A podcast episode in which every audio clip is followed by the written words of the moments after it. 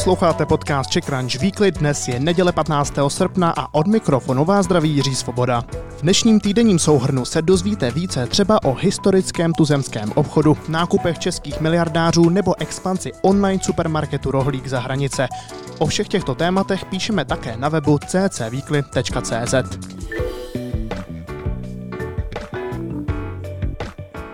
Na začátek ještě představím program Startup Academy, který tvoříme v rámci komunity Czech Crunchine. Vašemu začínajícímu startupu přidělíme na čtyři měsíce mentora. Získáte kontakt s ostatními startupisty a pomůžeme vám i úspěšný nápad realizovat. Přihlásit se můžete na ccshine.cz lomeno mentoring.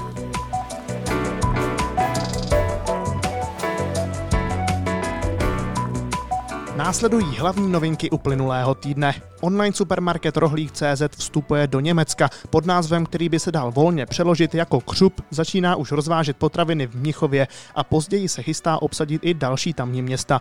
Sázet bude už na osvědčený koncept z Česka, Maďarska a Rakouska. Tam všude už skupina pod vedením Tomáše Čupra působí.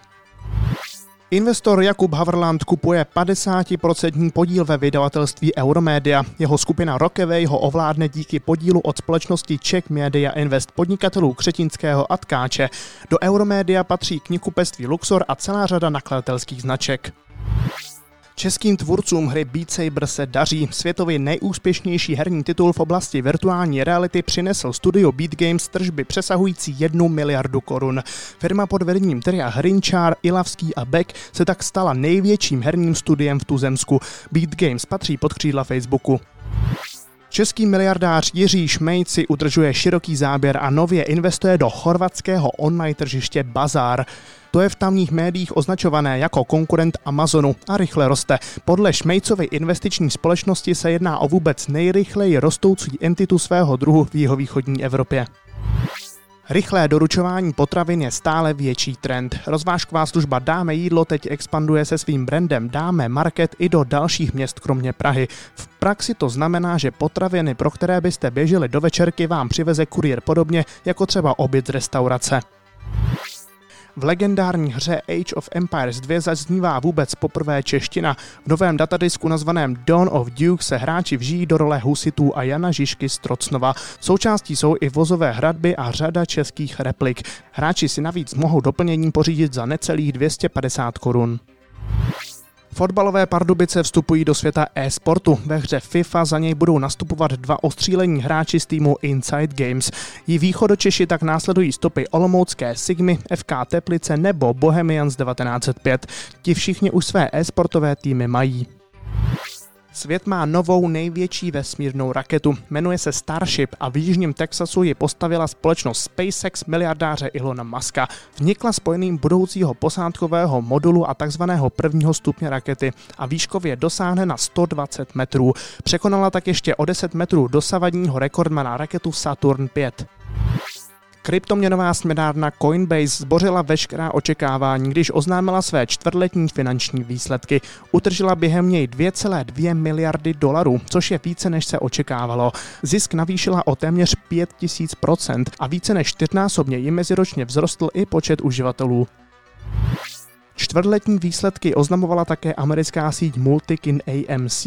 Tu téměř zabila pandemie, ale díky drobným investorům se opět dostala na nohy. Smazala dluh ve výši 600 milionů dolarů a nabrala nový kapitál a cena jeho akcí se více než desetinásobila. Chystá tak možnost platit bitcoinem i promítání exkluzivních premiér.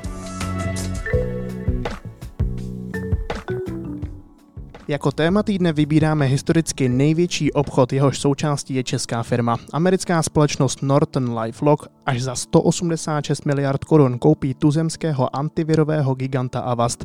Ten se za 30 let své existence vypracoval na světovou špičku v oboru a nyní pro něj nastává další fáze. Událost jsme samozřejmě pečlivě sledovali také na Čekranči a více si proto řekneme se šéf-redaktorem Ondřejem Holcmanem. Ahoj Ondro.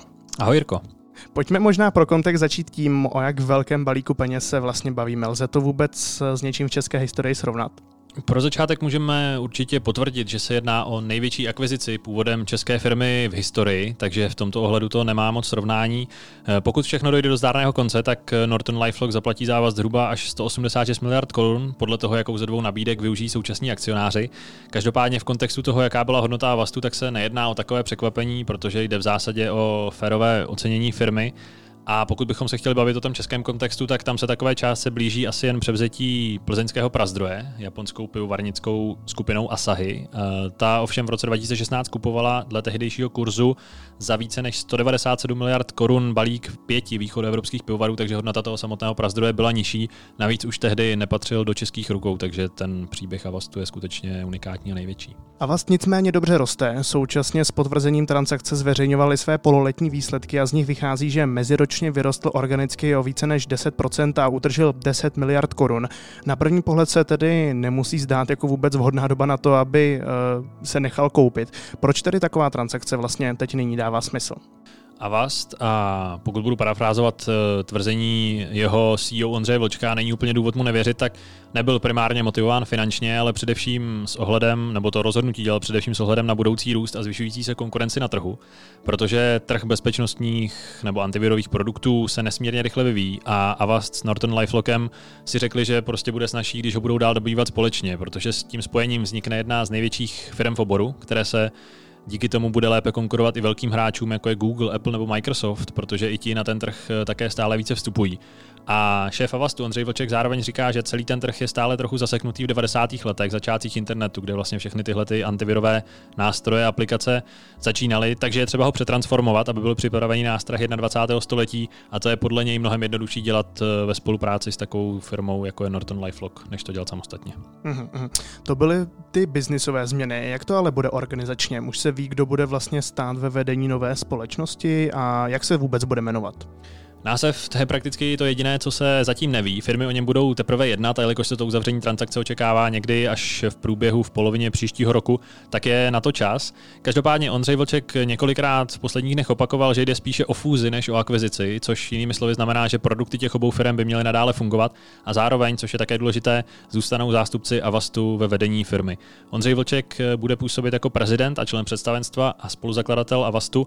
Pavel Baudiš bude v představenstvu jako nezávislý ředitel. A zároveň stávající akcionáři Avastu se po vypořádání té transakce eh, budou držet nadále eh, ve firmě, měli by získat zhruba 14 až 26% podíl, takže vlastně jako podíl těch českých, českých manažerů, ať už na rozhodování nebo na celé firmě, by měl být stále značný.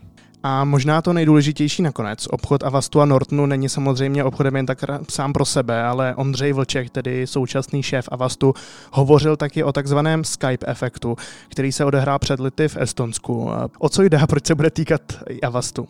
Tehdejší prodej Skypeu totiž v Estonsku vytvořil novou vlnu podnikatelů. Eh, tehdy Skype kupoval za několik miliard dolarů eBay, později ho ještě za větší částku koupil Microsoft, ale vlastně to zažehlo novou podnikatelskou vlnu, protože mnoho lidí, co ve Skypeu tehdy dělalo, získalo nový kapitál, zároveň získali cené zkušenosti s budováním firmy a začali zakládat eh, díky tomu vlastní startupy. Dneska má Estonsko ostatně jeden z nejrozvinutějších startupových ekosystémů v Evropě a tak by bylo skvělé, kdyby měl podobný efekt i prodej Avastu, protože je třeba zmínit, že díky štědrému akciovému programu se z desítek lidí, kteří v Avastu působili, stanou noví milionáři, ale hlavně budou mít i to skvělé know-how na to, jak eh, založit firmu nebo minimálně jak ji potom rozvíjet a slavit s ní třeba globální úspěch. Takže můžeme doufat, že tak velký prodej, který se tu určitě jako v nejbližší době nebude opakovat a Bůh ví, jak dlouho na ně budeme čekat, kdyby měl takovýhle efekt. Tak doufáme, že se to skutečně podaří i v Česku. Ondro, díky za schrnutí situace okolo Avastu. Díky a zase někdy naslyšenou.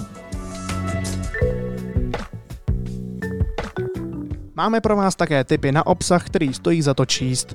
Redaktor Petr Brejčák sepsal příběh Vojtěcha Slámy. Ten opustil kariéru ajťáka a dnes je z něj šéf erotických e-shopů. Ročně utrží desítky milionů korun. A přeštěte si také příběh Davida Mlčocha. Mladý student z Olomouce vylepšuje satelity a umělou inteligenci chce studovat na prestižní univerzitě. Na závratné školné ale nedosáhne a přidám také tip na obsah mimo Crunch. Nová kniha filantropa a zakladatele Microsoftu Billa Gatese vyšla v češtině. V publikaci nazvané Jak zabránit klimatické katastrofě autor ukazuje, že záchrana klimatu je mnohem komplexnější věc, než se může zdát. A na závěr ještě výhled do dalšího týdne. Ve čtvrtek 19. srpna je v plánu akce Tesla AI Day. Automobilka miliardáře Ilona Muska na ní nejspíš představí technologické vychytávky v umělé inteligenci, na kterých pracuje. Stále je v plném proudu i výsledková sezóna na burze. V úterý 17. srpna představí svoje čtvrtletní výsledky největší maloobchodní světa Walmart. O dva dny později čísla odhalí i čínský technologický gigant Tencent.